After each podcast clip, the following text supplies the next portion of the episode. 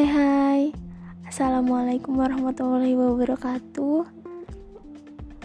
Sebelumnya kenalin Nama aku Rika. Aku baru mau Coba atau baru pertama kali bikin podcast. Podcastnya tuh Sharing-sharing aja Atau kayak cerita-cerita ringan aja. Sebelumnya eh, Rika tuh masih kuliah. Rika kuliah di Universitas Muhammadiyah Yogyakarta.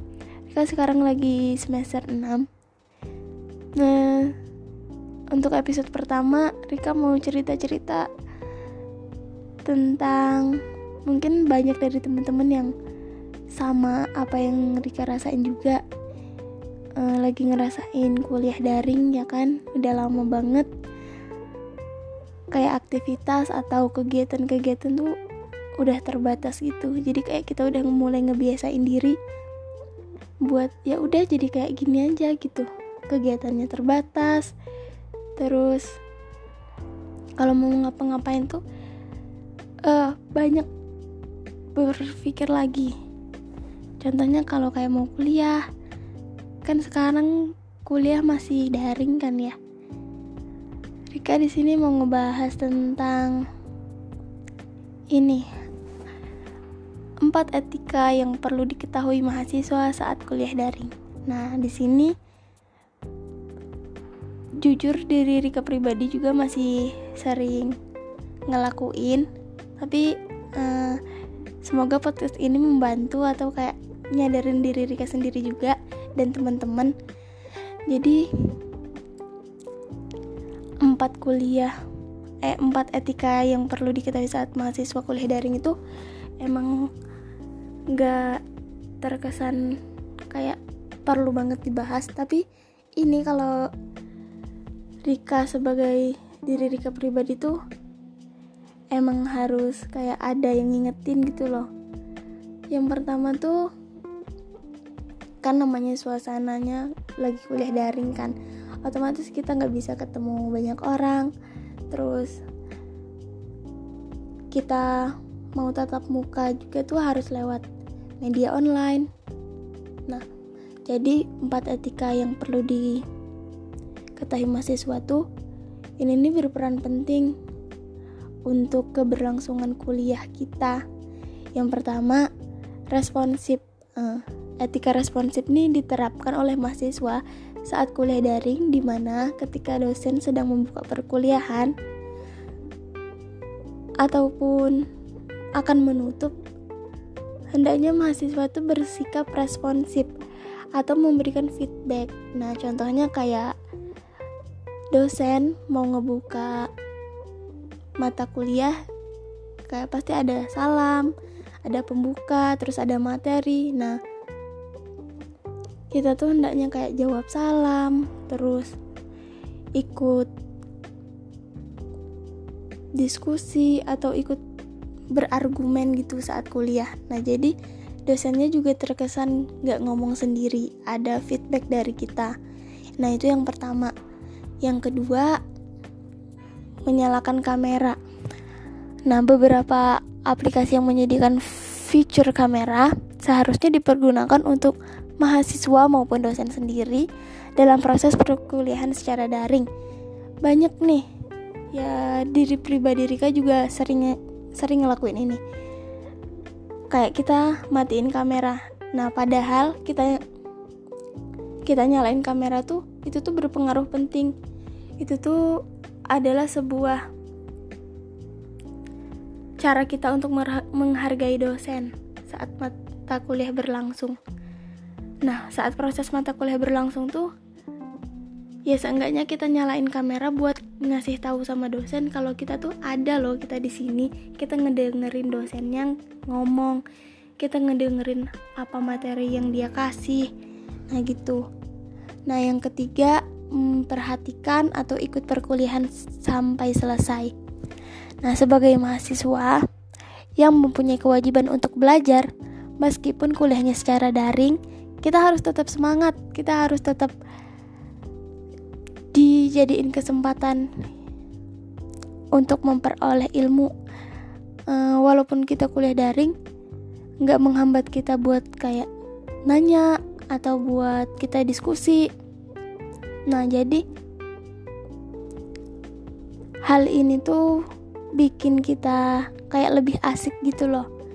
Ya sama kayak kita lagi ngobrol atau lagi telepon sama teman sama keluarga. Jadi kan enak kalau kayak kita ada feedbacknya gitu tanya jawab. Nah yang terakhir menonaktifkan audio. Atau kalau lagi kuliah eh kalau lagi kayak dosen ngejelasin mata kuliah audio kita tuh seenggaknya tuh harus di unmute itu tuh harus banget. Karena kalau nggak di unmute suara kita sama suara dosen tuh bisa tabrakan dan itu tuh kayak nggak jelas gitu jadi apa penyampaian dosen tuh jadi nggak jelas jadi tabrakan kayak mau ngedengerin yang mana gitu loh dan untuk menunmute itu adalah salah satu cara untuk menghormati dosen ketika sedang berbicara. Masa dosen berbicara, kita juga ikutan berbicara. Nah, kita tuh bisa ngebuka audio itu saat kita mau nanya atau kita mau membuka diskusi, presentasi. Nah, itu tuh boleh tuh. Atau enggak kalau dosennya nyuruh deh.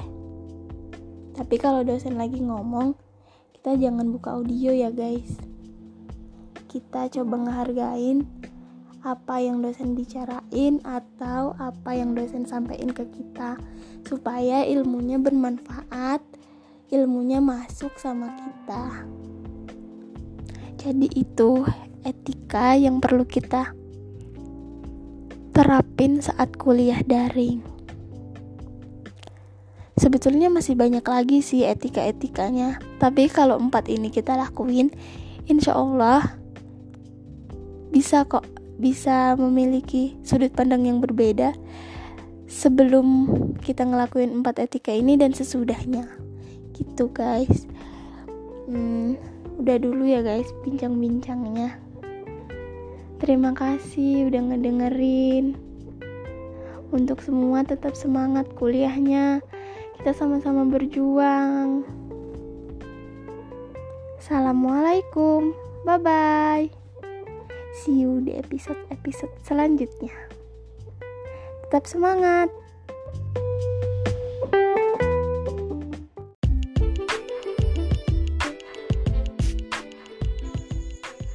Mengapa pentingnya makan makanan yang bergizi untuk masa tumbuh kembang anak?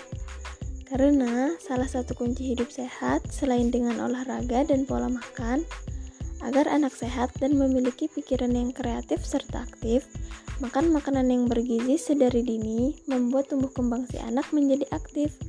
Makan tiga kali sehari, diselingi buah dua kali sehari membantu menyeimbangi tumbuh kembang si kecil menjadi sehat dan keluarga sejahtera.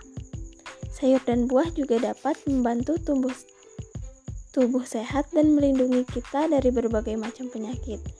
Sadarilah dari dini manfaat mengonsumsi buah dan sayur untuk menuju keluarga sehat Indonesia sejahtera. Sayur dan buah setiap hari, sehat dan cerdas pasti.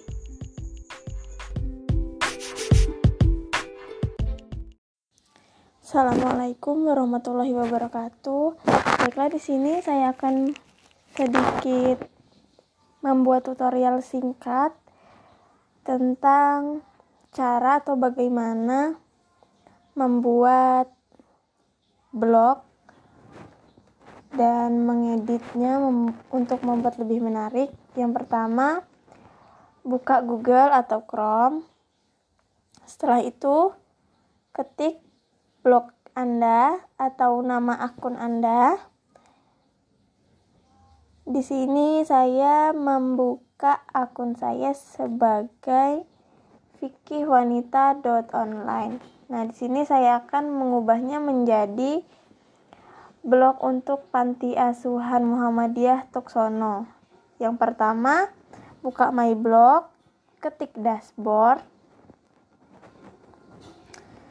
Setelah itu, cari template dan ketik landing page. Nah, landing page itu kemudian buka blog Anda dan edit with Elementor. tunggu dia sesaat.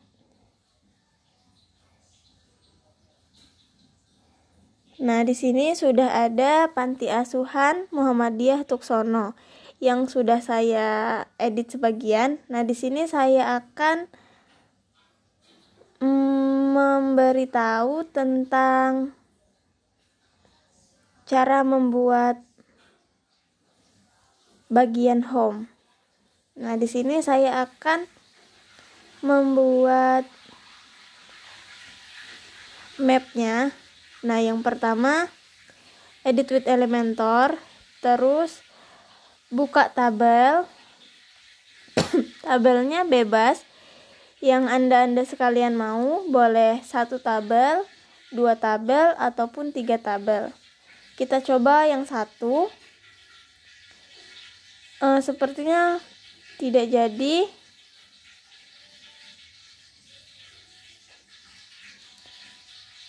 uh, kita bikin dua tabel nah yang pertama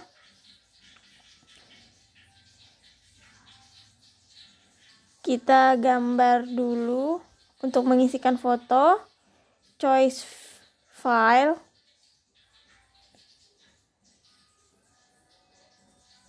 pilih foto yang kalian ingin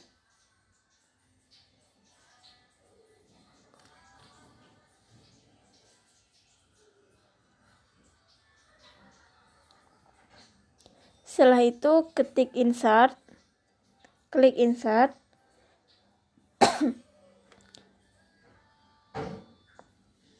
Kemudian untuk tabel yang kedua kita buat text table. Nah, di sini kita bebas untuk menuliskan apa saja. Nah, saya di sini akan menuliskan alamat berserta kontak Panti Asuhan Muhammadiyah Tuksono. Ya, selagi saya mengetik, teman-teman sekalian boleh untuk mengikuti arahan dari saya.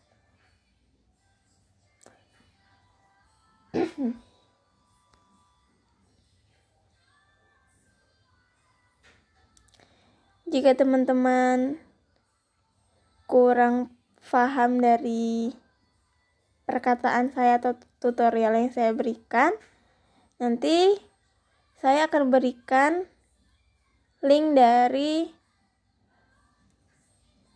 video Bapak dosen saya yang mungkin teman-teman lebih bisa mengerti Selagi saya mengetik, teman-teman juga bisa mengikuti untuk lebih memudahkan.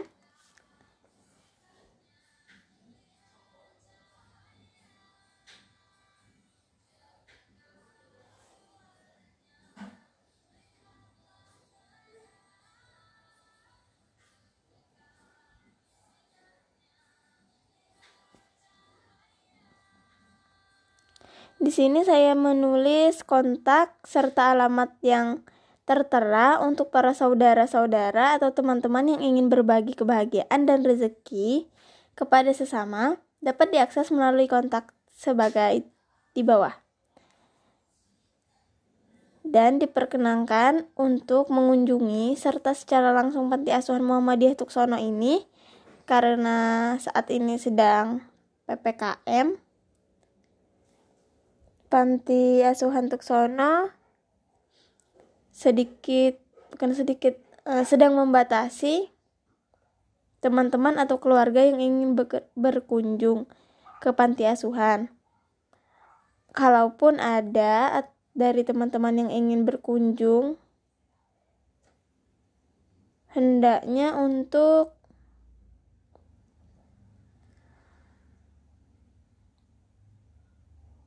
melaksanakan protokol kesehatan yang dianjurkan oleh pemerintah. Nah, di sini saya tulis catatannya karena nanti takut teman-teman ada yang ingin berkunjung.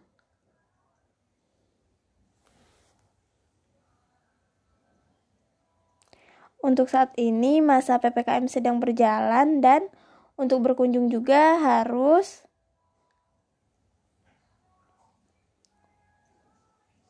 dibatasi dan tetap dengan menggunakan protokol kesehatan.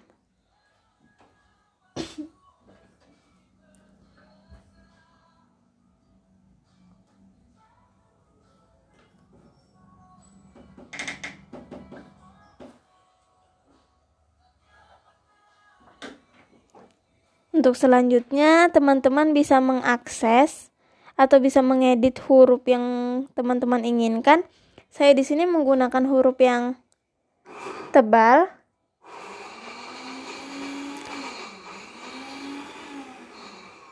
Kemudian kita update.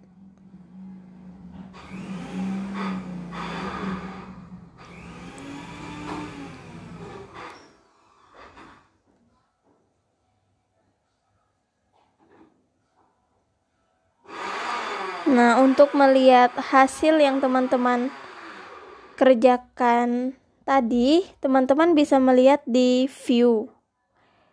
Uh, view bagian view-nya adalah di sebelah kiri bagian update. Nah, teman-teman bisa melihat dari sana secara langsung. Kemudian di sini saya akan menambahkan tabel baru lagi. Teman-teman bebas untuk berkreasi menggunakan Elementor ini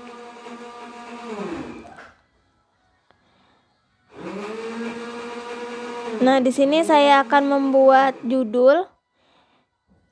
judul adalah kalau teman-teman ingin membuat judul, gunakan teks yang besar dan kemudian tarik ke kontak. Nah, setelah itu teman-teman baru mengetik. Di sini saya mengetik judul, kontak dan alamat yang bisa dihubungi.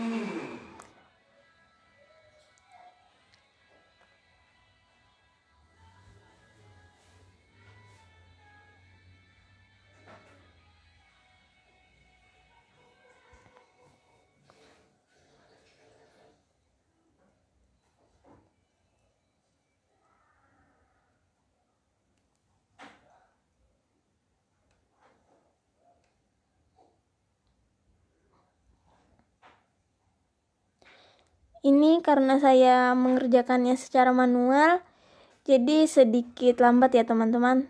Tapi tidak apa-apa. Uh, kita belajar sama-sama. Kemudian kita ganti warna atau kita serasikan ke template yang kita buat. Di sini saya menggunakan warna merah. Nah, lalu kemudian kita update lagi supaya hasil pekerjaan kita yang sebelumnya tidak berantakan. Kemudian saya di sini akan menambahkan kolom atau kotak lagi.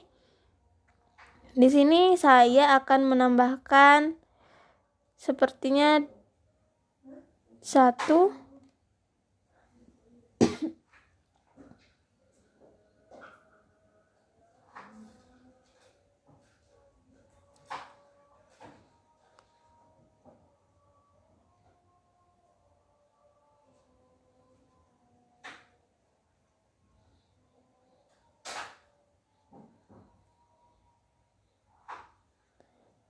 Uh, sepertinya sinyalnya sedang bermasalah ini. Kita tunggu sebentar ya teman-teman.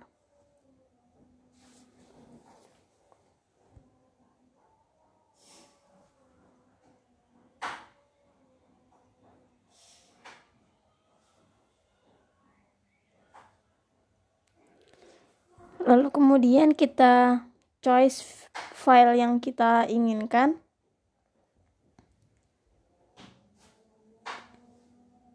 Seperti langkah sebelumnya tadi, saya di sini mengambil poster yang telah saya buat sebelumnya yaitu poster berkurban karena kita menjelang Idul Adha sebentar lagi. jika teman-teman ingin melakukan berbagi atau bersedekah kepada saudara-saudara kita di blog ini atau di tulisan yang saya akan buat nanti saya di sini akan membagikan kontak nomornya nomor rekening yang bisa teman-teman gunakan untuk penyaluran dana ataupun hal lainnya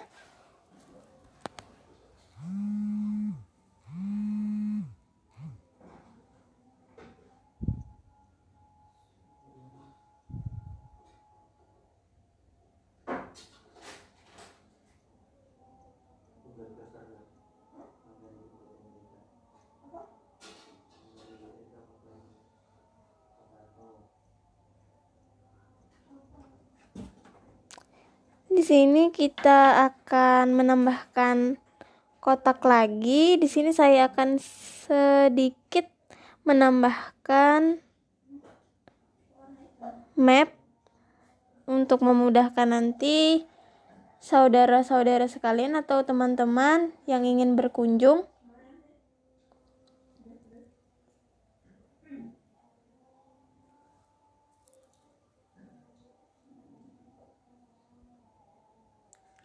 kita cari alamat yang sudah disediakan di sana. Nah, contoh kita ingin mencari panti asuhan Muhammadiyah Tusono, kita tinggal search, lalu kemudian mapnya akan otomatis terarah kepada panti asuhan tersebut.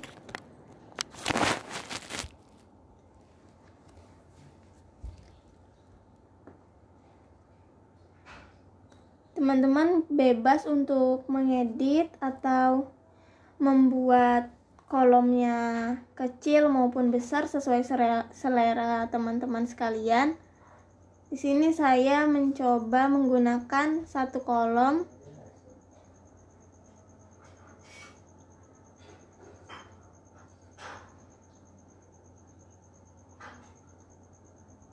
Di sini juga kita bisa sesuaikan map yang akan kita arahkan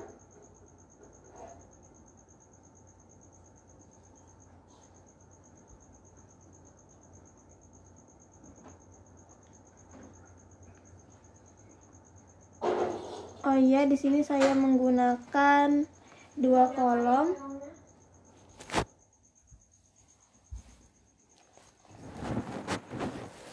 Iya, kemudian nanti di sebelahnya saya akan menulis keterangan.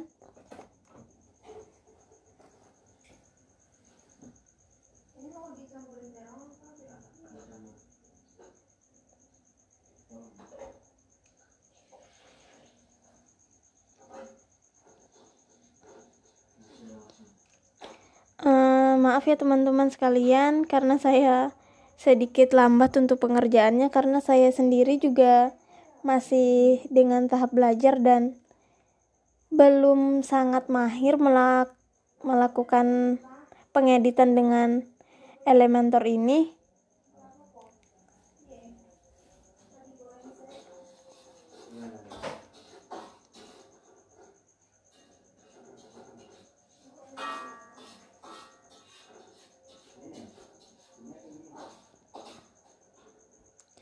setelah meletakkan mapnya saya akan mengetik dari layar dari kontak sebelah maaf.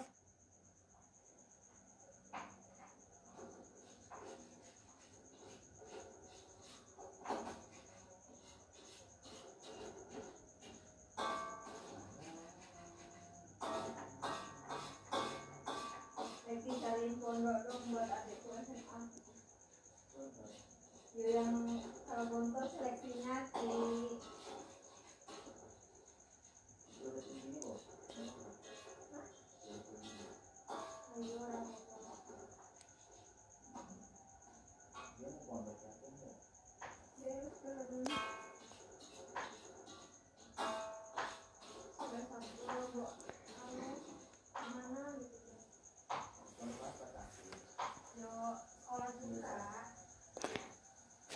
di sini saya akan mengetik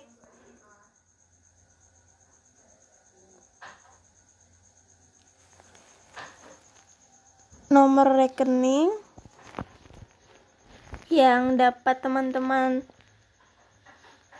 hubungi untuk penyaluran dana yang telah saya bicarakan tadi sebelumnya. Di sini ada nomor rekening BMT atas nama Muhammad Tuksono. Dan yang kedua nomor rekening BPD ya teman-teman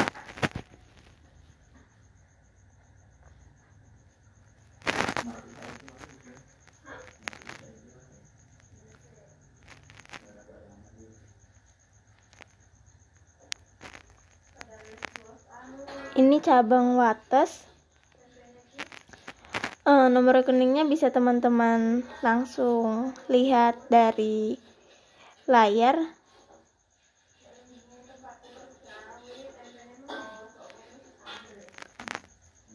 Atas nama Panti Asuhan Muhammadiyah Tuksono ya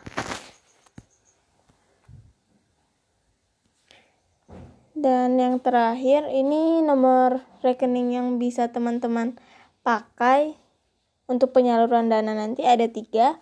Yang pertama nomor rekening BMT yang kedua BPD dan yang terakhir nanti BRI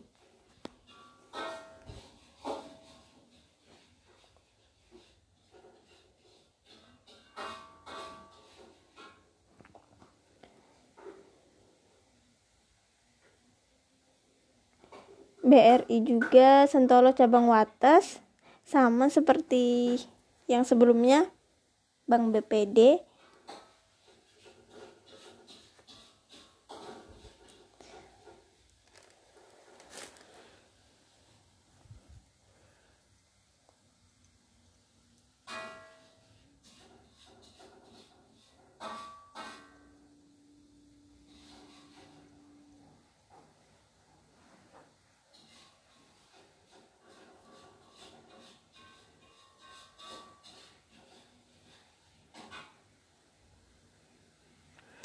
atas nama Panti Asuhan Tuksono juga.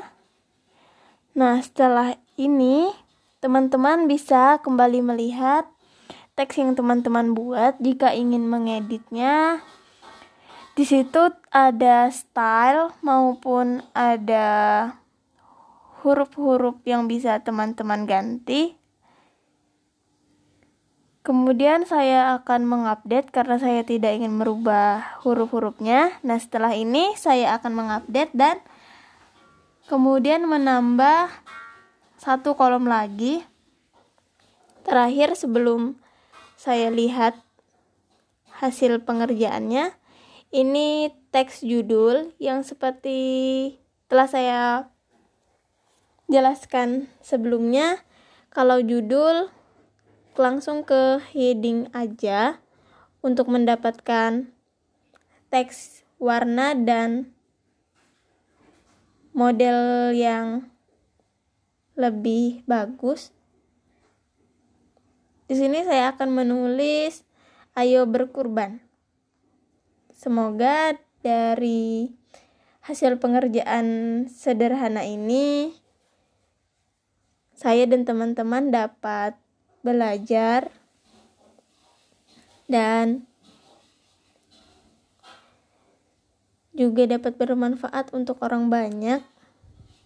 Nah, setelah ini kita update hasil pengerjaan yang telah kita lakukan. Nah, untuk melihat kita lihat langsung ke view. Nah, jadi seperti ini teman-teman. Nah, jadi kurang lebih untuk tutorialnya tadi untuk membuat home-nya sudah seperti ini dan yang selanjutnya juga seperti ini. Terima kasih sudah menyaksikan tutorial singkat dari saya. Mohon maaf masih banyak kesalahan. Saya akhiri wassalamualaikum warahmatullahi wabarakatuh. Sampai jumpa teman-teman. Moga kita selalu bersyukur atas nama Tuhan atas segala nikmatnya kita semuanya sampai siang ini masih diberi kesehatan panjang. Amin. Mudah-mudahan kita selalu ditambah banyak. Yang pertama tentunya kami mengaturkan banyak terima kasih atas atas penjenengan pada siang hari ini kita sesuai rencana mengadakan ya, silaturahmi dalam rangka jumpa pes untuk menyampaikan hal-hal yang perlu dipahami oleh masyarakat.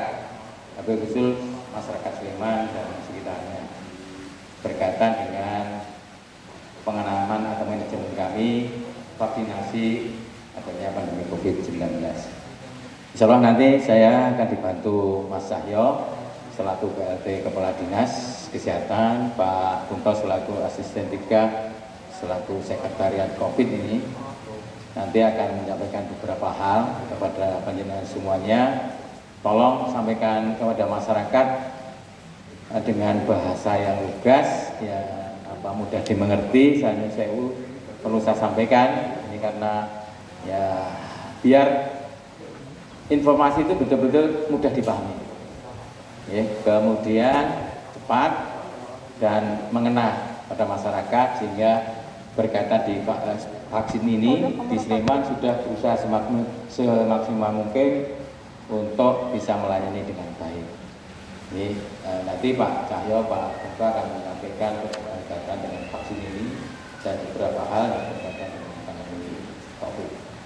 Saya mohon maaf ada acara mendadak kemarin sore, ini saya harus ke komisi sana ada yang perlu tidak ada masalah-masalah KPK saya nanti diwakili oleh Pak Ketua dan Pak Cahyo kemungkinan Pak Nopi ya. Kalau nanti setelah dipanggil Bupati bisa kita di ruang ini. Monggo penjenengan ada waktu banyak ini tidak dibatasi. Ya, mau tanya apa saja? Monggo sepanjang kami siap dan datanya kami akan sampaikan sejelas-jelasnya itu saja dari saya waktu saya serahkan ke Pak Kunto dulu atau Pak Cahyo? Nih, terima kasih Pak Sekda yang sekalian yang terkait dengan vaksin ini beberapa hari yang lalu. Dari Kamis kalau salah kita mengadakan di provinsi dengan Pak Gubernur kebetulan masih Pak Sekda informasi tentang vaksin Pak Gubernur mengharapkan paling tidak bulan November atau Oktober November ini sebetulnya vaksin di sini sudah selesai.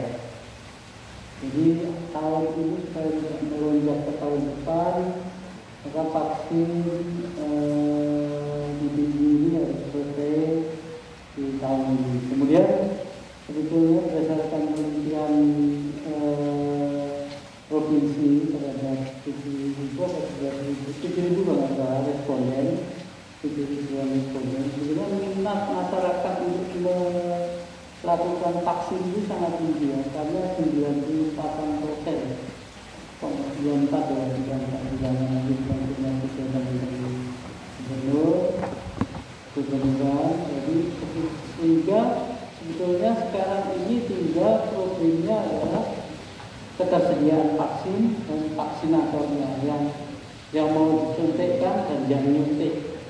Karena masyarakat minatnya sudah cukup tinggi. Jadi kita saya kira ini bukan sesuatu yang sulit kecuali minat masyarakat sendiri adalah susah itu sangat susah sekarang ini angkanya juga sangat baik sehingga eh, kemudian ditargetkan memang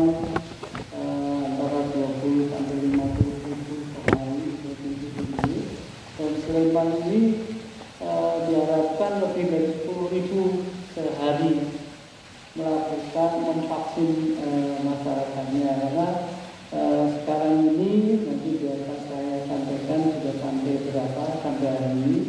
Kalau hari Kamis lalu itu baru sampai 46 persen.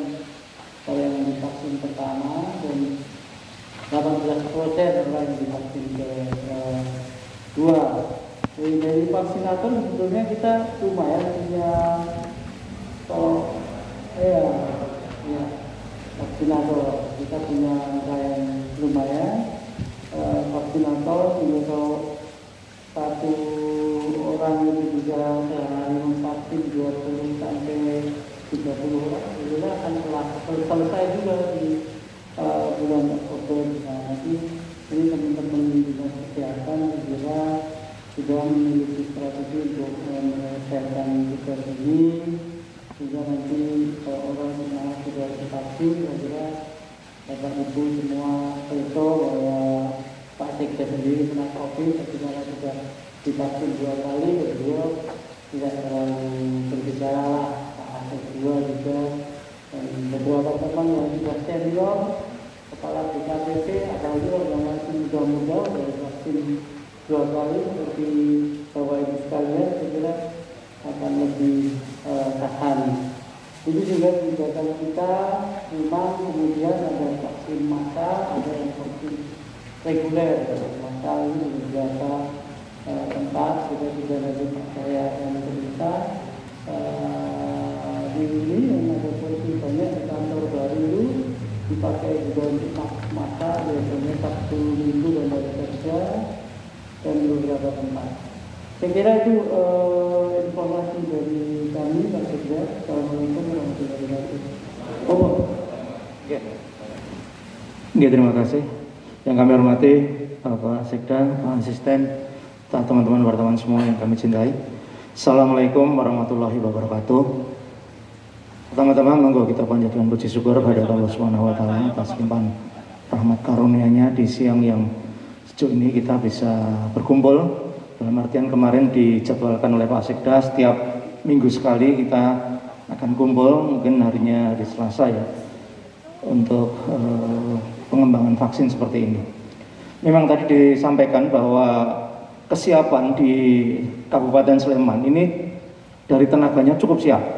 Artinya kita itu sudah menyiapkan armada dari vaksinatornya, sarana prasarana serta main uh, sistem pemberian vaksinnya. Jadi kita ada yang reguler. Kalau reguler itu melalui puskesmas, melalui fasiankes ya, melalui rumah sakit dan sebagainya yang ditunjuk. Kemudian kalau yang sentra-sentra vaksin ini kita memiliki seperti tadi di Gedung Kaca, kemudian di CEC, eh, kok CEC sorry, di SCH, kemudian CCM dan sebagainya yang kita tunjuk sebagai sentra untuk pelaksanaan vaksin massal. Target yang diberikan oleh Pak Ruhut maupun Pak Sultan saat itu memang tadi disampaikan Pak Asisten lebih dari 10.000. Target kita adalah 15.000 per hari vaksin untuk Sleman. Nah saat ini kalau kita hitung karena ketersediaan vaksinnya masih terbanyak dari vaksin massal, artinya dari TNI Polri, di vaksin-vaksin massal itu kita sehari bisa minimal 5.000. Sedangkan yang vaksin di reguler di pelayanan ini yang agak e, terhambat karena ketersediaan vaksin tadi. Ini hanya sekitar 2000. Jadi sekitar saat ini yang bisa kita kejar sekitar 7000 net setiap hari. Ini kita masih berupaya terus untuk membuat surat ke provinsi untuk minta vaksin agar percepatan ini bisa segera dilakukan karena ini harus selesai tahun ini 70% harus bisa selesai di akhir September padahal vaksin ini sifatnya impor Indonesia belum bisa membentuk membuat vaksin yang di, diprogramkan sekarang utamanya ya. Ini uh, otomatis karena ketersediaan impor ya kita menunggu dari dropping dari impor tersebut. Nah kalau sudah datang tidak akan dihentikan, tapi langsung akan diberikan ke kabupaten kota. Ini yang kita siapkan seperti itu. Dan alhamdulillah animo masyarakat cukup tinggi saat ini. Tadi dikatakan 94% ya ke keinginan masyarakat dan ini terlihat sekali untuk segera mendapatkan vaksin. Dikarenakan sekarang kartu vaksin itu menjadi sangat penting untuk setiap kegiatan. Sehingga kalau masih sehat saya menghimbau kepada masyarakat Sleman segera vaksin. Soalnya kalau sudah kena uh, apa namanya COVID tadi ya, itu tiga bulan dia harus istirahat, tidak bisa divaksin, nunggu tiga bulan dulu, baru bisa divaksin. Lah kalau dia butuh Kan 10 hari 14 hari sudah sembuh ya, tapi dia harus nunggu 3 bulan. Dia butuh keluar negeri atau butuh kegiatan yang mengharuskan dengan kartu vaksin dia nggak bisa apa-apa. Jadi saya sarankan monggo karena kartu vaksin ini sekarang menjadi penting untuk kegiatan administrasi pemerintahan maupun untuk bepergian dan sebagainya yang masih sehat segera vaksin karena semuanya mensyaratkan untuk kartu vaksin ini mumpung masih sehat Kemudian sasaran-sasaran untuk vaksin juga sudah cukup uh, bagus kalau kita lihat uh, untuk petugas kesehatan ini dosis pertama uh, sampai hari ini sudah mencapai 161,5 persen. Untuk dosis kedua mencapai 143,8 persen. Ini untuk petugas kesehatan atau nakes. Dosis 3 ini juga sudah kita berikan di Sleman dengan Moderna. Ini sudah mencapai 59,2 persen, hampir 60 persen. Atau sekitar sudah 7.300an orang. Sedangkan untuk petugas publik, dosis pertamanya 197,2 persen. Ini memang tinggi sekali angkanya. Dikarenakan dulu pada takut untuk daftar, tapi setelah tahu teman-temannya tidak apa-apa, baru pada daftar. Sehingga sasarannya menjadi melonjak sehingga capaiannya pun di atas 100%. Kemudian dosis kedua untuk publik 96,9%. Lansia dosis pertama 57%, dosis kedua 39% dan seterusnya.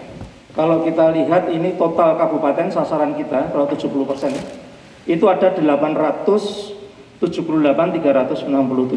orang. Yang sudah kita vaksin adalah 45,4 persen atau 399 orang. 399.077 orang. Hampir 400 orang sudah kita vaksin. Kita masih harus mencapai herd immunity itu 70 persen. Dan ini sangat-sangat bergantung pada ketersediaan vaksin. Karena kalau animo masyarakat jelas cukup tinggi. Tadi nanti kami mohonkan uh, kita punya beberapa strategi. Yang pertama adalah mempercepat uh, tadi uh, vaksin, utamanya vaksin pertama dengan menggunakan sentra-sentra vaksin, utamanya vaksin-vaksin dari TNI Polri. Kemudian kita juga memperkuat layanan vaskes-vaskes dengan uh, ini utamanya untuk dosis-dosis kedua. Karena setelah injeksi pertama dia harus mendapatkan dosis kedua. Nah ini juga terhambat dengan ketersediaan vaksin sehingga kita perlu berkoordinasi terus agar dosis kedua ini juga bisa diberikan. Itu untuk vaksin. Oke, monggo dari Pak Sedang. Kemudian strategi untuk pengendalian eh, apa namanya COVID ini. Kalau kita lihat sebenarnya kasus konfirmasi kita baik PCR maupun antigen itu sampai tanggal 22 Agustus kemarin ada 50.620 orang itu kasus konfirmasinya yang sembuh 41.807 artinya ini angka kesembuhannya juga tinggi. Angka konfirmasinya tinggi tapi angka kesembuhannya juga tinggi. Kemudian angka kesembuhan atau pas recovery rate ini untuk Sleman ini mencapai 83 persen. Meskipun eh, kalau kita bandingkan di itu 77,6 persen kesembuhannya. Nasional lebih tinggi kesembuhannya 88 tapi kita masih di atas DIY 83 83 persen. Meninggal dunianya ini kita yang agak tinggi 4,4 persen atau sekitar 2.223 orang. Itu untuk kondisi sekarang eh, perjalanan dari apa namanya penyakit COVID ini dan mungkin Bapak Ibu media sudah mengetahui dari pusat disampaikan bahwa kita sekarang akan selalu tergantung dengan apa namanya? Eh, masing-masing uh, kabupaten sendiri bagaimana dia bisa melakukan tindakan-tindakan yang 3T tadi kemudian percepatan vaksinasi sehingga nanti kita levelnya bisa turun. Tidak level 4 lagi tapi turun ke level 3 nanti kalau ini bisa turun nah aktivitas ekonomi juga mulai bergerak lagi. Ya ini butuh nanti peran serta kita semua. Artinya semua warga Sleman ini eh, harus bahu membahu untuk mengatasi masalah COVID ini karena WHO yakin COVID ini nggak akan pergi dari dunia. Jadi kita harus siap berdampingan dengan COVID ini. Strategi yang diterapkan adalah tadi 3T. Tracing rate-nya harus kuat. Kemudian vaksinasinya harus mencapai herd immunity jadi nanti boleh kena COVID tapi tidak mati. Seperti waktu demam berdarah dulu, awalnya juga banyak yang meninggal. Sekarang Prof. adalah boleh kena demam berdarah tapi jangan sampai mati. Nah ini Ini kalau paling jelek nanti ke depannya seperti itu. Tapi dengan Allah herd immunity kita capai, kemudian vaksinasi dengan herd immunity tercapai, kemudian eh, 3T-nya bagus, ya kita akan bisa menggerakkan eh, sektor-sektor uh, yang lain lagi ya.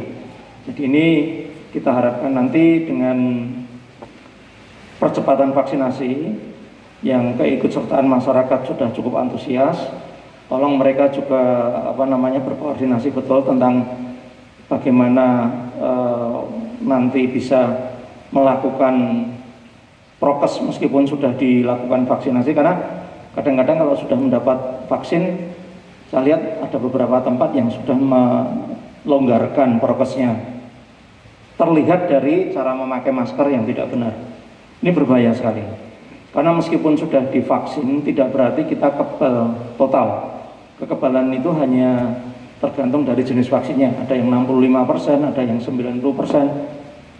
Itu herd immunity Tapi kalau sudah divaksin akan terbentuk sel memori di dalam tubuh.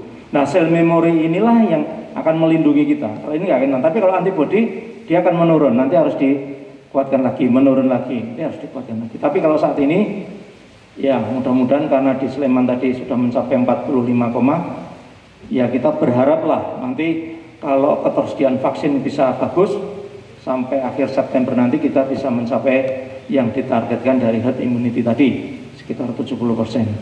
Mungkin itu untuk mengawali diskusi pada pagi hari ini, eh, pada siang hari ini. Monggo nanti kita bisa berdiskusi lebih lanjut tentang penanggulangan COVID di Kabupaten Sleman ini, utamanya yang saat ini diterapkan di Kabupaten Sleman adalah dengan percepatan vaksinasi, kemudian dengan 3T eh, tadi. Ini yang yang sekarang baru kita galakkan. Mudah-mudahan nanti bisa berjalan dengan baik sehingga kita bisa segera uh, turun levelnya. Minimal target kita ya level 3 atau level 2 sehingga nanti bisa uh, perekonomian bisa bergerak lagi. Mungkin itu yang kami sampaikan. Terima kasih. Assalamualaikum warahmatullahi wabarakatuh.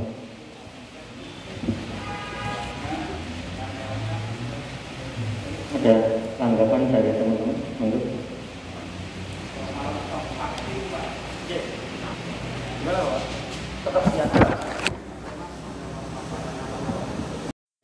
Sekitar 300 ribuan dosis, nanti saya konfirmasi lagi. Sekitar segitu kalau untuk yang vaksin Sinovac dari TNI Polri. Jadi, monggo.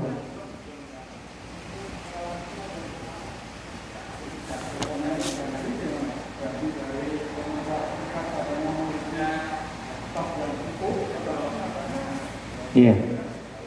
Nggih. Nggih.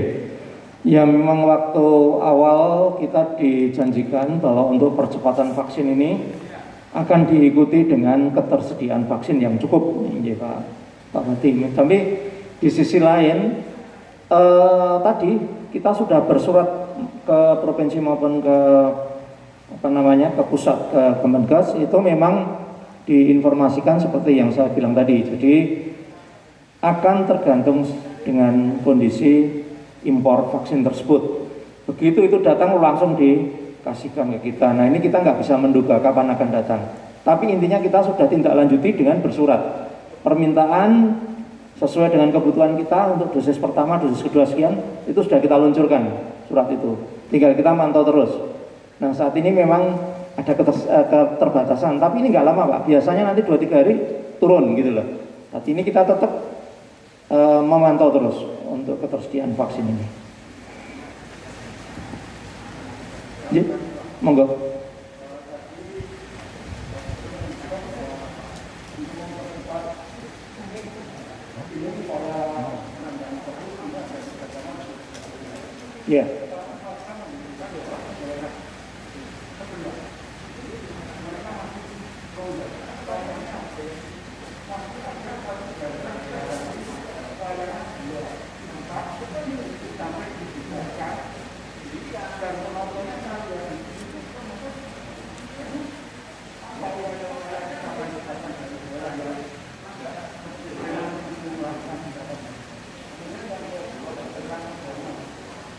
Ya,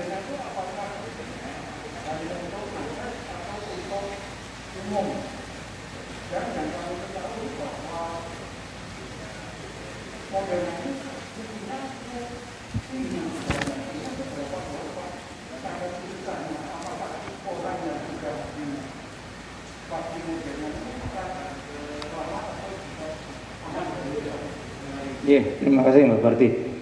Yang pertama soal wayangan ya. Terus kemudian ini saya kaitkan tadi dengan eh, bagaimana masyarakat mulai kendor dengan prokes. Ini menjadi keprihatinan kita semua. Saya bisa bayangkan kalau dengan pengendaran atau penurunan status PPKM nanti dari level 4 ke level 3 atau level 2 tapi tidak diikuti dengan prokes yang kuat dari masyarakat, 3T yang kuat dari pelayanan kesehatan, ini pasti akan terjadi ledakan lagi. Karena tidak ada yang bisa menjamin 100% tidak akan terkena COVID setelah dilakukan vaksinasi termasuk Moderna tadi hanya 90 berapa persen, tidak ada yang bisa 100 persen. Kemudian yang kedua, vaksin Moderna ini memang diperuntukkan untuk nakes atau tenaga kesehatan. Karena apa? E, kita melihat kilas balik bulan Juli, Juni, Juli, Agustus kemarin kan dengan lonjakan kasus yang sedemikian banyak sekali nakes-nakes yang menjadi korban. Nah, untuk itu segera dilakukan booster. Jadi sifatnya Moderna ini saat ini masih booster untuk tenaga kesehatan. Tapi saya mendengar kabar juga dari pusat bahwa Moderna ini pun nanti akan bisa untuk umum. Sama dengan Sinovac dan yang lain, ada dosis pertama, ada dosis kedua. Tapi kalau untuk nakes, hanya dosis ketiga, hanya booster, hanya satu kali. Jadi syarat untuk mendapatkan Moderna nakes, dia harus sudah vaksin dua kali. Sinovac dua kali, sudah ada kartu vaksinnya, baru dia mendapatkan yang ketiga Moderna. Demikian untuk Moderna. Nah, kemudian tadi ditanyakan kipinya atau kejadian ikutan pasca imunisasi ini sangat beragam Moderna, tapi memang kebanyakan kipinya agak apa ya timbul ini apa namanya? Kemeng ya. Mungkin Pak Anu sudah merasa kemeng. Uh, saya juga pernah disuntik ini Moderna. Kemeng di tempat suntikan. Kan suntikan kan di lengan kiri. Kemeng pegel kemudian ada sedikit meriang. Antara 38 derajat dan sebagainya. Tapi itu hanya berlangsung sebentar. Hari kedua hari pertama hari kedua biasanya. Nah setelah itu sudah normal lagi. Jadi eh, tidak menimbulkan kipi yang berat. Kalaupun nanti sudah dilakukan vaksinasi satu dua kok kemudian masih bisa terkena COVID dan menjadi fatal artinya meninggal, itu pasti banyak faktor yang menyebabkan. Salah satunya mungkin ada komorbid. Komorbid yang paling banyak menimbulkan apa namanya kematian ya gula biasanya. Kalau dengan seperti itu memang akan berat ditangani. Terus kemudian kalau orang yang apa namanya dalam kondisi imunnya bagus, sehat kemudian divaksin sudah terjadi kekebalan antibodi, eh, saya kira meskipun kena dia akan ringan. Dan ini terbukti. Teman-teman yang meninggal dalam artian masyarakat kalau kita lihat meskipun belum ada penelitian tapi eh, kebanyakan memang belum divaksin waktu itu yang terkena dan fatal. Tapi kalau yang sudah divaksin prosentasenya kecil sekali. Kalaupun dia menjadi fatal itu karena adanya komorbid. Demikian Pak, jadi aman untuk uh, Moderna ini.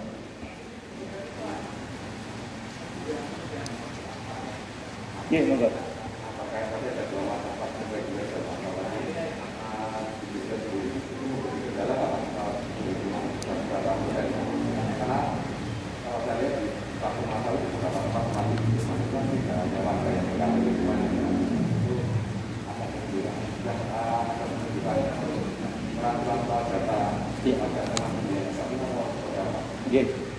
Gih, memang kalau vaksin massal seperti itu bisa diperuntukkan kita utamakan memang masyarakat Sleman, tapi bisa yang domisili di Sleman bisa, KTP luar Sleman juga bisa meskipun tidak banyak. Oke, ini ini memang kan Bapak, apa namanya uh, awalnya ya karena kita kan punya akunnya beda-beda. Yang dari TNI Polri punya akun sendiri, yang kemudian di Dinas Kesehatan dengan jajaran rumah sakit dan puskesmasnya, puskesnya itu punya pikir sendiri. Tapi mungkin ada di beberapa kota kabupaten yang lain itu sudah capainya di atas 100%. Tapi nyatanya yang divaksin KTP luar. Jadi yang untuk penduduk sendiri masih 50% terbaca itu. Dan waktu itu pimpinan daerahnya juga mengendaki ini yang KTP e, wilayah yang harus dikejar dulu, enggak dikejar dulu. Lah, lah kita juga gitu. Artinya ya ada mungkin dari luar tapi tidak begitu banyak dan akan terpisah nanti. Jadi capaian yang sudah dicapai tadi 45,2 persen atau berapa tadi itu sudah yang KTP Sleman terpurifikasi. Nah sekarang yang yang jadi masalah memang apa ya kalau masalah seperti itu biasanya kan ada golongan-golongan tertentu yang kita sasar khusus untuk disabilitas khusus untuk anak sekolah misalnya khusus untuk uh, ini ibu hamil lah malah kan ibu hamil. Mau kita coba uh, eh, gerakan ya, karena kita mendapat vaksin kalau dari TNI Polri Sinovac yang cukup, cukup jumlahnya. Kita mulai minggu depan akan menyasar ibu hamil. Untuk kita vaksin dengan Sinovac. Karena ini juga penting. Ibu hamil ini jangan sampai terkena corona. Kalau terkena jangan sampai berat. Karena kalau sampai meninggal dua orang pak yang kita kehilangan. Nah kalau sudah tervaksin mudah-mudahan ini bisa diatasi ini memang memang apa namanya harus percepatan ya untuk uh, vaksin ini. Jadi seperti itu, data tetap bisa terpurifikasi KTP yang Sleman. Tapi untuk pelaksanaan di sentral kita memang tidak bisa menolak. Untuk yang luar wilayah pun asal dia sudah mendaftar atau tadi punya keterangan domisili, KIPEM dan sebagainya, boleh ikut vaksin. Intinya kita sekarang adalah uh, DI atau nasional seperti itu. Enggak, karena ter, terpisah nanti maksudnya. Ini ada nicknya dan ada. Monggo. Bekerja sama dengan Bank Danamon atas support Bank Danamon kantor pusat Jakarta memberikan kuota 1000 buat pedagang pasar di Sleman dan masyarakat sekitarnya untuk bisa mengikuti eh, vaksinasi pada pagi hari ini dan insya Allah akan seribu kota ini akan dibagi tiga kali supaya tidak menumpuk. Jadi hari ini di Gedung Serbaguna, kemudian besok di Pasar Prambanan, dan hari berikutnya di Pasar Belut Godean. Dan pada kali ini Danamon memberikan bantuan vaksin Sinovac, ya, vaksin gotong royong. Ya, saya kira ini menurut informasi sangat cocok buat uh, bangsa kita. Mudah-mudahan uh, Bapak Ibu yang mendapatkan vaksin ini bisa mendapatkan hasil yang terbaik. Amin.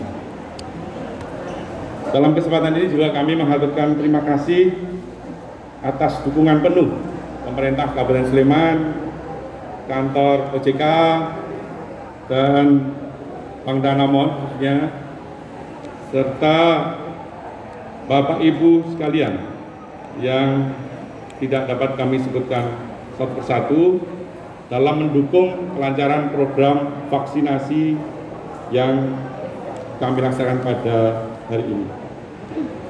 Pada kesempatan itu pula nanti Bang Sleman akan memberikan bantuan pakaian APD kepada PMI Sleman sebanyak 50 Mudah-mudahan bisa dimanfaatkan untuk mendukung kegiatan-kegiatan PMI di Sleman dalam rangka juga eh, program eh, vaksinasi di Kabupaten Sleman. Bapak Ibu yang kami hormati, untuk selanjutnya kami mohonkan Ibu Bupati berkenan memberikan sambutan pengarahan sekaligus membuka kegiatan vaksinasi pada pagi hari ini. Demikian yang dapat kami sampaikan.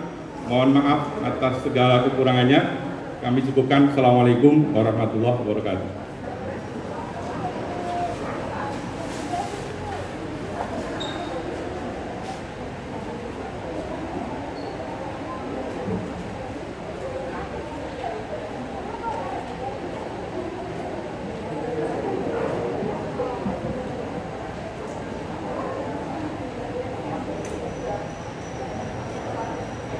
Baik Bapak Ibu yang kami hormati, berikut sambutan Syariah Kastambara dan SME Product Sales Head PT Bank Danamon Indonesia Tbk. Untuk itu kepada Bapak Indrayana LS, disilakan.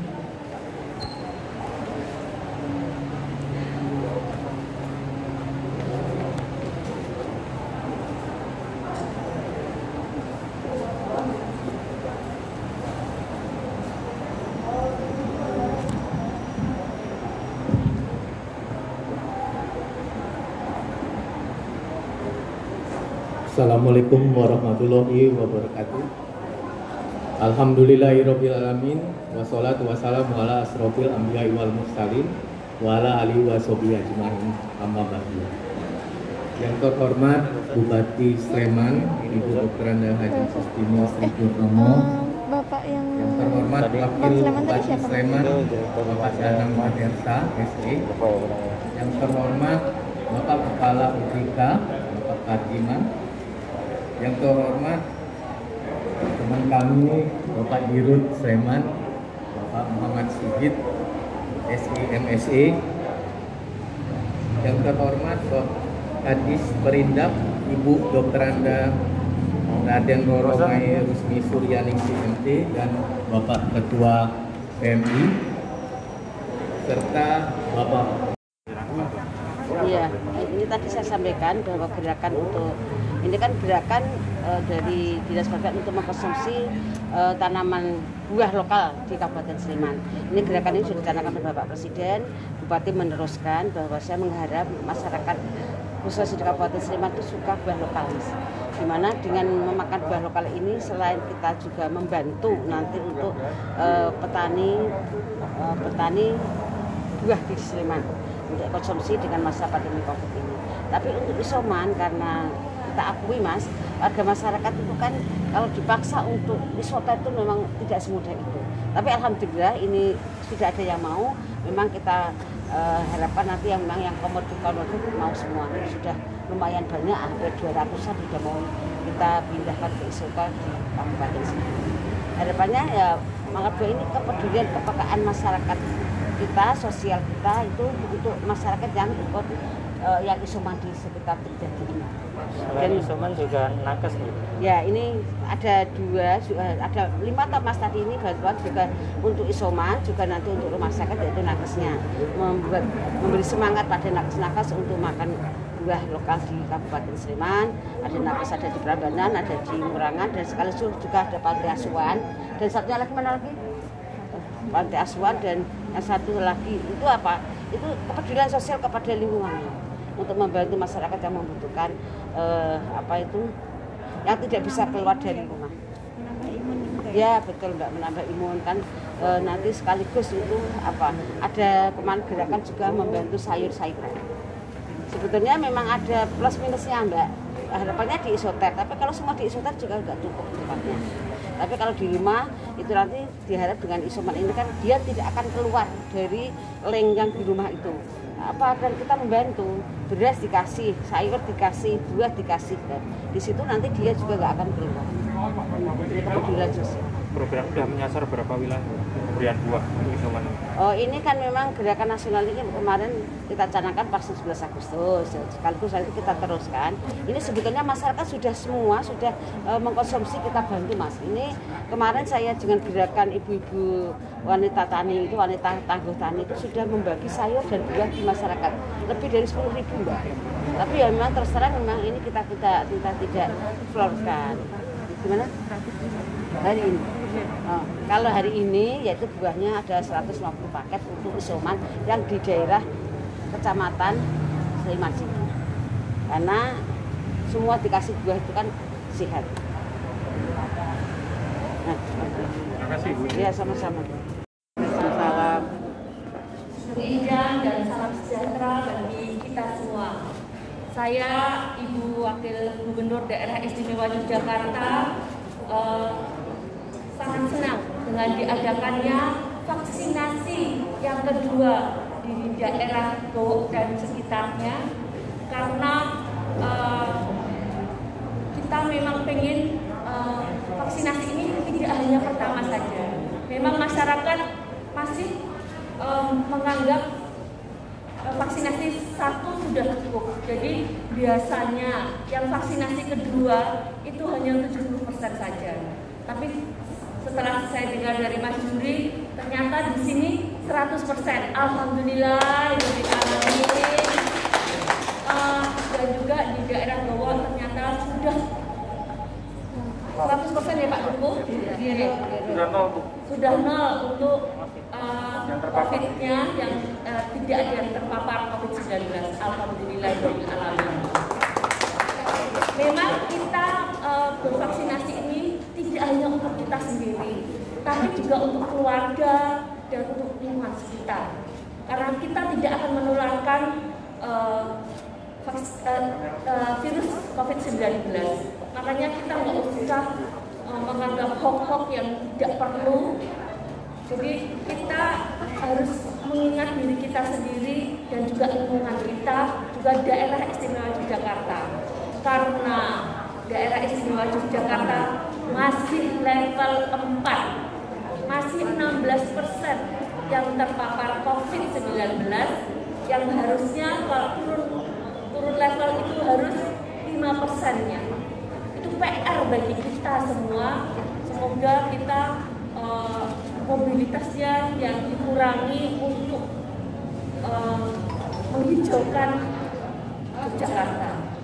Saya senang sekali dengan diadakannya berbagai uh, daerah untuk vaksinasi. Kita masih 50 persen, masih PR-nya masih panjang uh, untuk bisa mencapai 70 persen.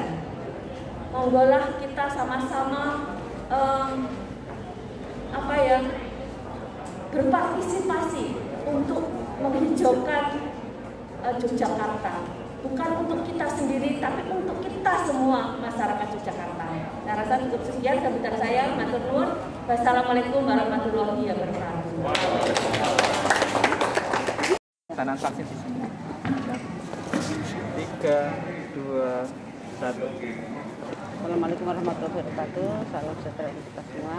Saya Bupati Sleman, Provinsi Jawa Barat, Ketua Pak Anto di PPPM Yogyakarta, yaitu kita kerjasama adanya hari ini vaksinasi massal.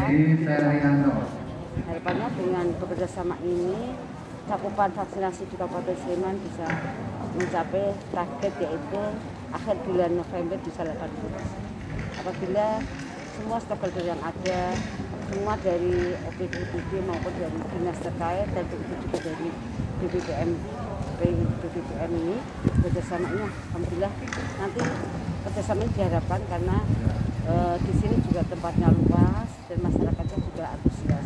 Sehingga capaian kita bisa memutus mata rantai juga dengan adanya turunnya level di Kabupaten Jaga ini harapannya turun lagi supaya pergerakan masyarakat untuk mencapai ekonomi yang selama ini terkendala bisa tercapai. Terima kasih. Assalamualaikum warahmatullahi wabarakatuh. Oh iya, iya, iya. Semua ini. Terkait vaksinasi ini target sendiri dan sasarannya seperti apa enggak? Ya, Alhamdulillah ini tadi sudah dikunjungi oleh Bu Bupati. Jadi saya sungguh senang sekali karena kerjasama kita dengan Pemda Sleman dan Kodim Sleman itu sudah terwujud ya. Artinya bagaimana kita mempercepat terjadinya vaksinasi karena memang kan di di DIY terutama di Sleman ini kan ke mana kan masih level 4 ya. Sekarang Alhamdulillah sudah, turun level 3 sehingga kita berkontribusi untuk mempercepat terjadinya vaksinasi. Target ini tuh eh, 350 eh, masyarakat di Sleman. Beberapa ada yang dari keluarga dari pegawai kita mas. Pegawai kita yang belum vaksin ini, ini saatnya divaksin dan memang nanti eh, mudah-mudahan di yang kedua juga di sini nanti vaksinnya dan mudah-mudahan kalau Bupati mengendaki nanti juga akan dilaksanakan di sini karena apa karena kan kita punya uh, hall yang sangat luas ya jadi terbuka jadi bagus untuk untuk vaksin dan tidak berkerumun kan intinya kan Oh, berarti ke depan bisa digunakan ya Pak? bisa digunakan Berarti kan vaksin tahap pertama? ini tahap pertama Jenis vaksinnya? eh, Sinovac Sinovac. Sinovac ya, Sinovac ini yang belum ini pertama nih vaksin pertama itu mas Gitu.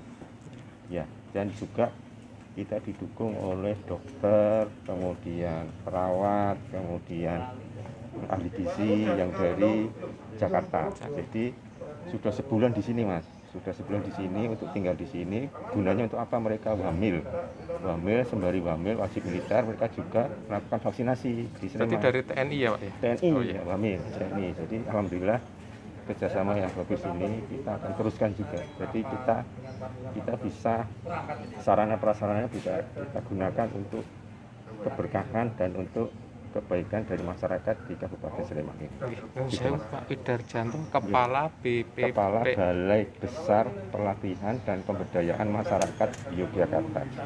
Ini dari eh, unit teknisnya dari Kementerian Desa, Pembangunan Daerah Tertinggal dan Transmigrasi, Kemendesa. Nggih, Ya. matur suwun sangat. Nggih. sami-sami Mas. Gusti Kanjeng Ratu, Gusti Kanjeng Bendoro Raden Ayu Adipati Pakualam IX yang ke Ibu Bupati Sleman, Ibu Gusti Sri Purnomo, serta hadirin yang berbahagia. Mari senantiasa kita meningkatkan puji dan syukur atas kehadiran Allah Subhanahu wa taala bahwa kita bisa berkumpul di ruang ini dalam keadaan sehingga tidak kurang suatu apa pun. Lanjuti hasil rapat Pokja 1 tim penggerak PKK DI pada tanggal 12 September 2021 bahwasanya tim penggerak PKK DI akan sosialisasi tentang penguatan kesehatan mental, spiritual dengan narasumber dari Kabupaten Sleman terdiri dari dua orang pada tanggal 17 September 2021 di tempat aula lantai 3 saja pesertanya terdiri dari 20 yaitu perwakilan 17 dari kelurahan yang mengikuti verifikasi dan tiga perwakilan dari Pokja satu tim penggerak PKK Kabupaten Sleman. Narasumber terdiri dari eh, mencakup kesehatan mental spiritual bagi keluarga yang dari tim penggerak PKK DIY, lalu keluarga sadar gender dari Dinas UP 3 AP 2 KB Kabupaten Sleman, lalu adaptasi kebiasaan baru di masa pandemi oleh Pokja satu tim penggerak PKK Kabupaten Sleman. Maksud dan tujuan diadakan eh, kegiatan ini yang pertama meningkatkan pengetahuan bagi kader tentang keluarga penguatan kesehatan mental dan spiritual dan adaptasi kebiasaan baru di masa pandemi. Dengan harapan para kader bisa mensosialisasikan di wilayah masing-masing. Selanjutnya mohon berkenan Ibu tim Ketua penggerak PKK DIY Gusti Putri memberikan sambutan dan kepada Ibu Bupati Sleman dimohon berkenan juga untuk memberikan sambutan sekaligus membuka acara secara resmi. Demikian saya sampaikan, mohon maaf ada kekurangan. Wassalamualaikum warahmatullahi wabarakatuh.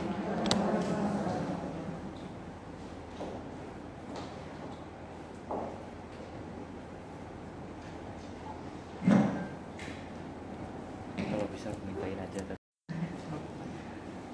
Yang terhormat Ibu Bupati Sleman, Ibu Kustini Sri Purnomo yang alhamdulillah bisa berkenan hadir di tengah-tengah kita dengan kesibukannya yang luar biasa.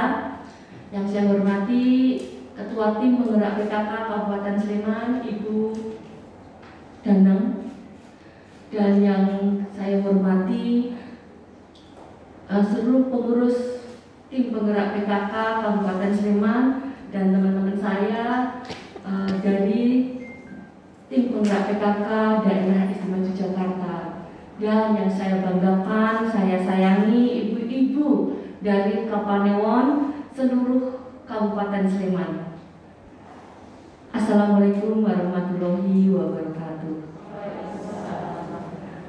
Sugeng Injang dan salam sejahtera bagi. Puji syukur kita panjatkan kepada Allah Subhanahu wa taala karena perkenannya kita dapat berkumpul di tempat ini dalam keadaan sehat, cantik dan berbahagia. Dan matur nuwun atas kehadiran ibu-ibu sekalian pada acara pada pagi hari ini acara Pokja 1 penguatan kesehatan mental, spiritual, keluarga sadar gender dan adaptasi kebiasaan baru di masa pandemi. Ibu-ibu dan Ibu Bupati, uh, memang sekarang ini kesehatan itu penting sekali bagi kita. Tidak hanya kesehatan fisik, tapi juga kesehatan mental. Karena memang di masa pandemi ini, rumah itu sebagai kayak negara kecil ya, tempat bekerja, tempat belajar, tempat memasak, tempat macam-macam yang sekarang ada di rumah. Makanya tingkat stresnya ibu-ibu adalah tingkat stres tingkat tinggi. Tapi bagaimanapun juga kita harus ikhlas menjalaninya. Karena memang begitulah keadaan pada waktu pandemi.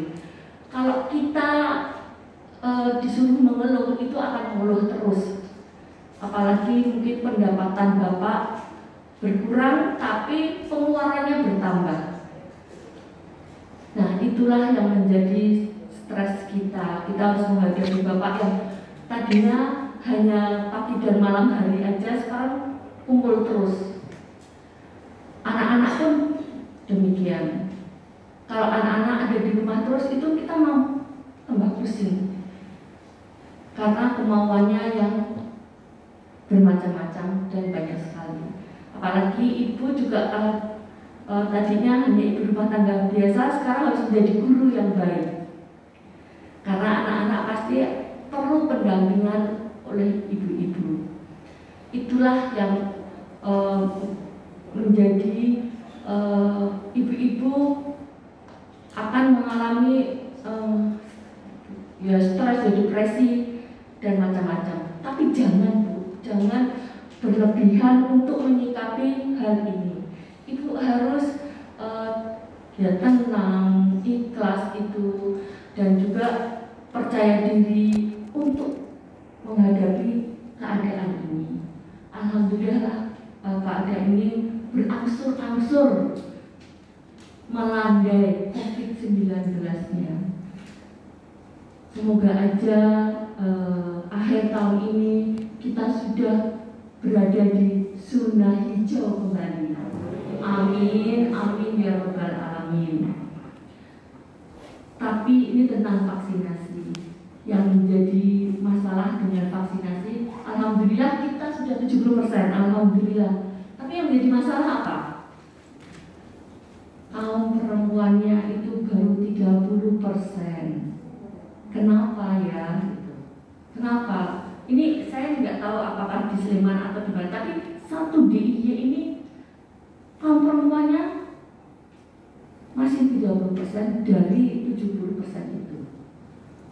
Monggolah kita sama-sama di kampung-kampung kita, di kapanewon-kapanewon kita itu menggerakkan perempuan-perempuan untuk kerso divaksinasi.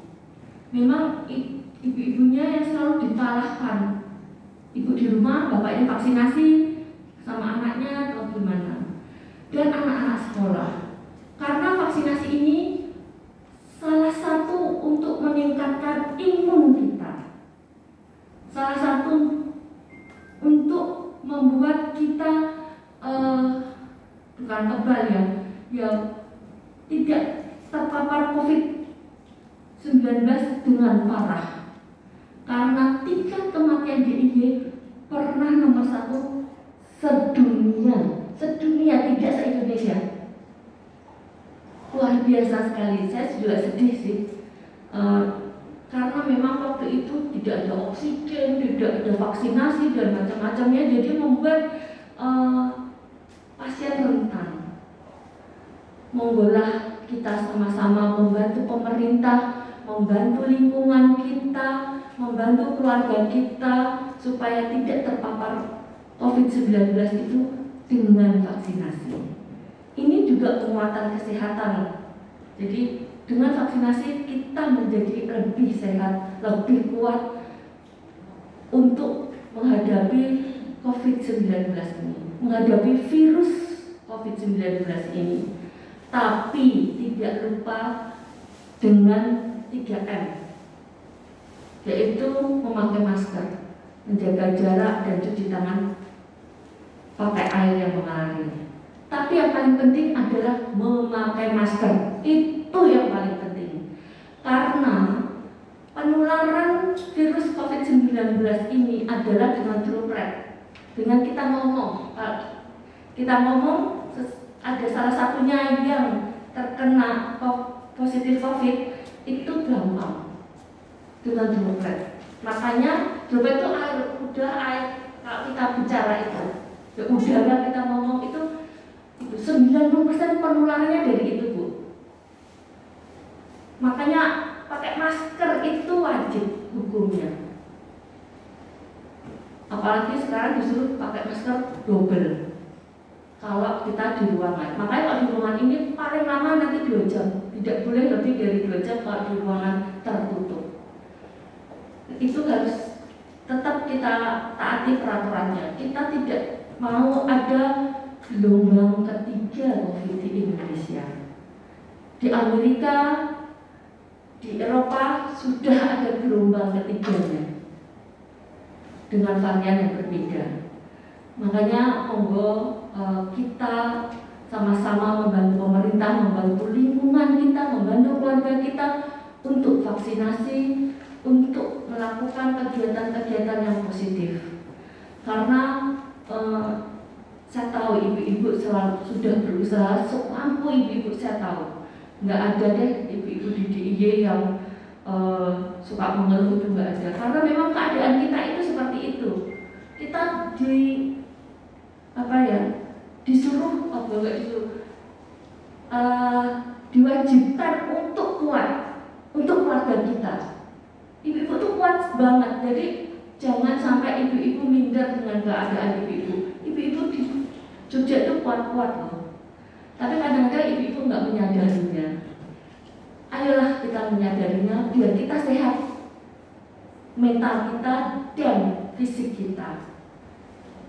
Itulah yang nanti mungkin akan dipaparkan oleh pemapar-pemapar yang sudah ahli. Saya hanya minta ibu-ibu yang kuat, ibu-ibu harus mandiri eh, apa kesehatannya, mandiri untuk perekonomiannya, karena memang sekarang itu banyak sekali perekonomian yang an, apa turun anjlok. Inilah saatnya ibu-ibu yang pakai daster yang katanya di jalan reteng kiri belok kanan itulah saatnya ibu-ibu untuk membangun perekonomian karena perekonomian yang tinggi-tinggi itu pada bangkrut ibu-ibu contohnya yang dekat dengan kita aja itu sentro di Ampas itu jatuh uh, di Parsen juga di harta nomor itu jatuh. Matahari juga banyak yang tutup. Inilah saatnya kita, saatnya kita ibu-ibu yang pakai dasar itu bangkit. Ibu tuh tahu nggak? Uh, di Tokopedia penjualan jilbab paling banyak di Tokopedia itu dari mana? dari Kulon Progo. Luar biasa bukan? Ibu-ibu tuh gampang kalau mau. Assalamualaikum warahmatullahi wabarakatuh. Selamat pagi, salam sejahtera untuk kita semua. Yang saya hormati Gusti Kanjeng Bunda Raden Ayu, Adipati Bapak Angkasku, beserta ibu-ibu Pokja 1 PKK di Ismail Jakarta Ketua Penggerak Kabupaten Sleman Ibu Sari dan Mahasa SE narasumber dari P3AG 2KB PKK Pokja 1 atau pengurus PKK tim berada Kabupaten Sleman. Lebih-lebih kader-kader Pokja 1 so Kabupaten Sleman 17 Kapanewon saya, saya cintai dan saya banggakan.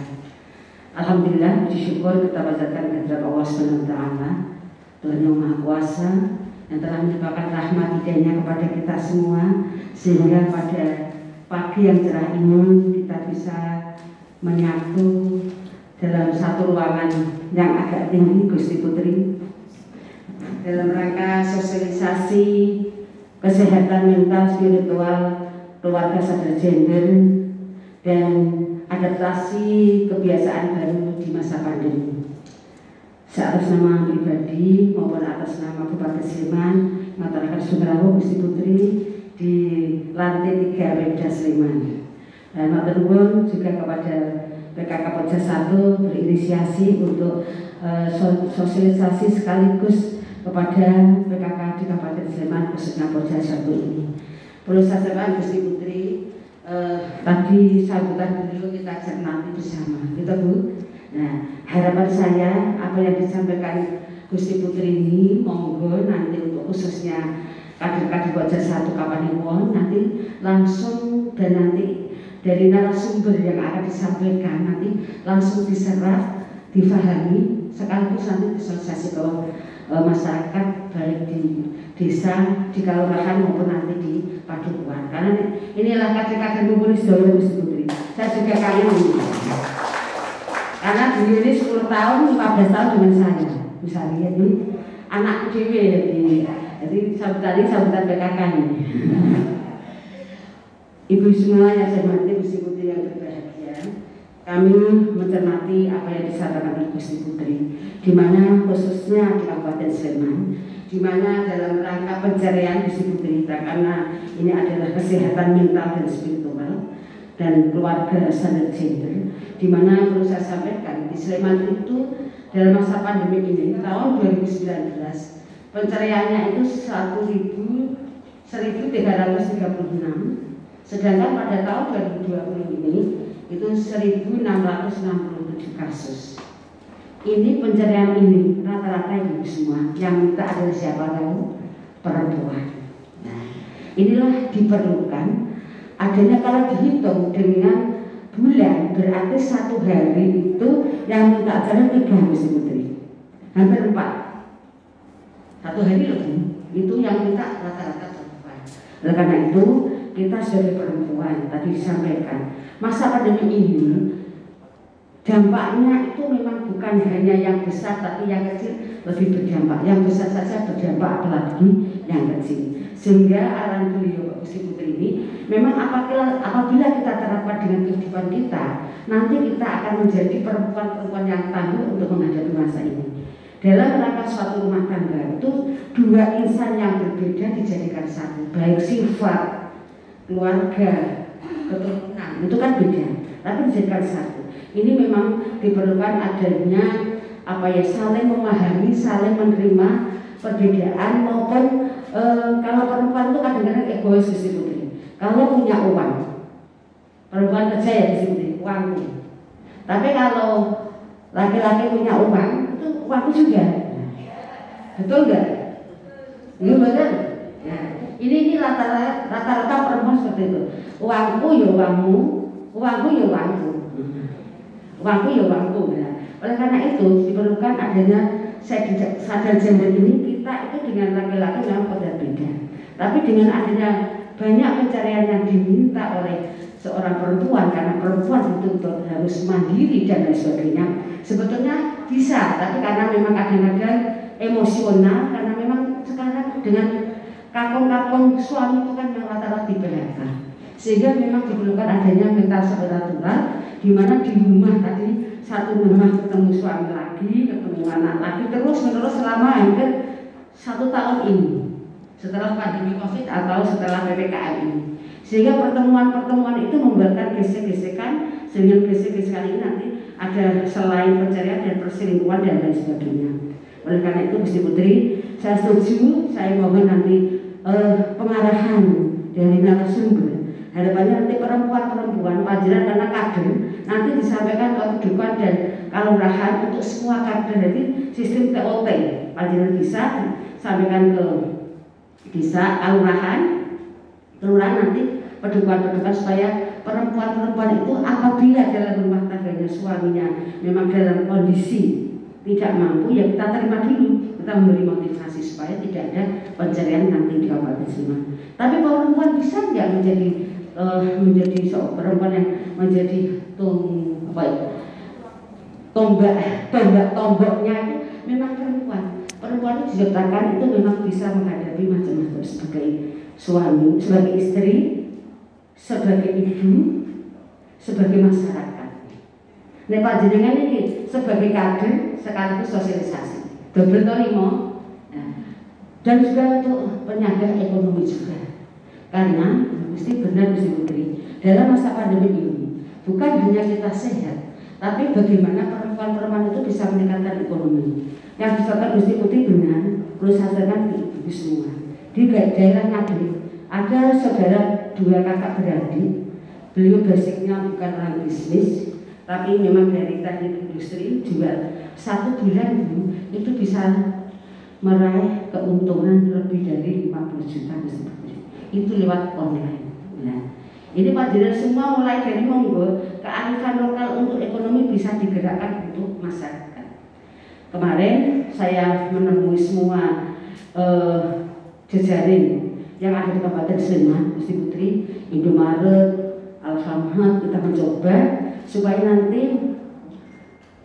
di setiap Indomaret itu ada tempat untuk UMKM di Sleman baik itu UMKM yang di sekitar itu karena di Sleman itu ada 130 Indomaret yang menyebar di 17 kecamatan.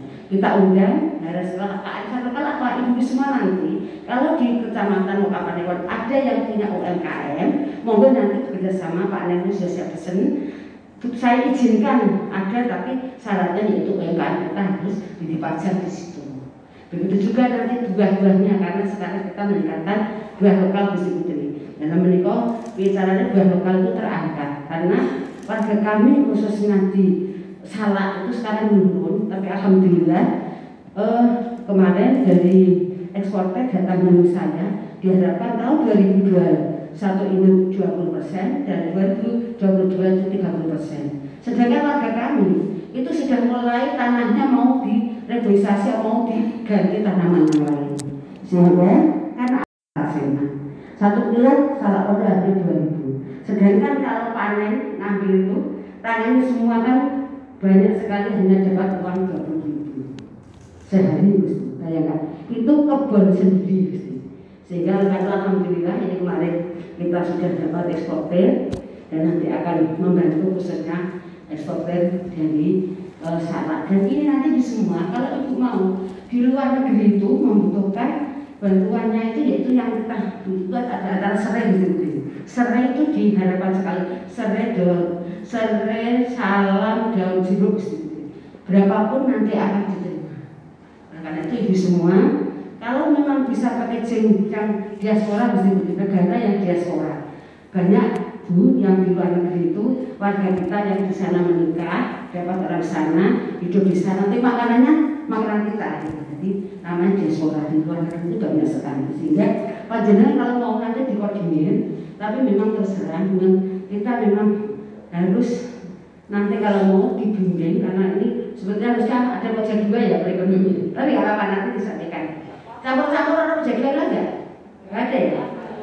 Saya itu sering menyampaikan kepada Bu Kadir pojok satu dua tiga empat ada satu kesatuan. Siapa pun yang datang sih gak apa-apa pojok satu berarti bisa bisnis gak apa-apa bisa nanam nggak? Apa-apa jangan hanya melurus satu satu pojok segitu Bu Mawi sehingga Bu Mawi mungkin sok kabeh jangan hanya melalui itu. Jadi kalau mau perekonomian ya bisa pojok satu mengenai tanaman juga bisa. Mengenai mental spiritual juga bisa. Jadi nanti bisa seimbang. Karena kalau kita ujian di PKK pusat itu harus mewangi 10 pokok-pokok PKK dia tidak tahu itu pojok satu dua tiga tapi kadir harus menguasai. Atau Bu Nah, ya pesan seperti itu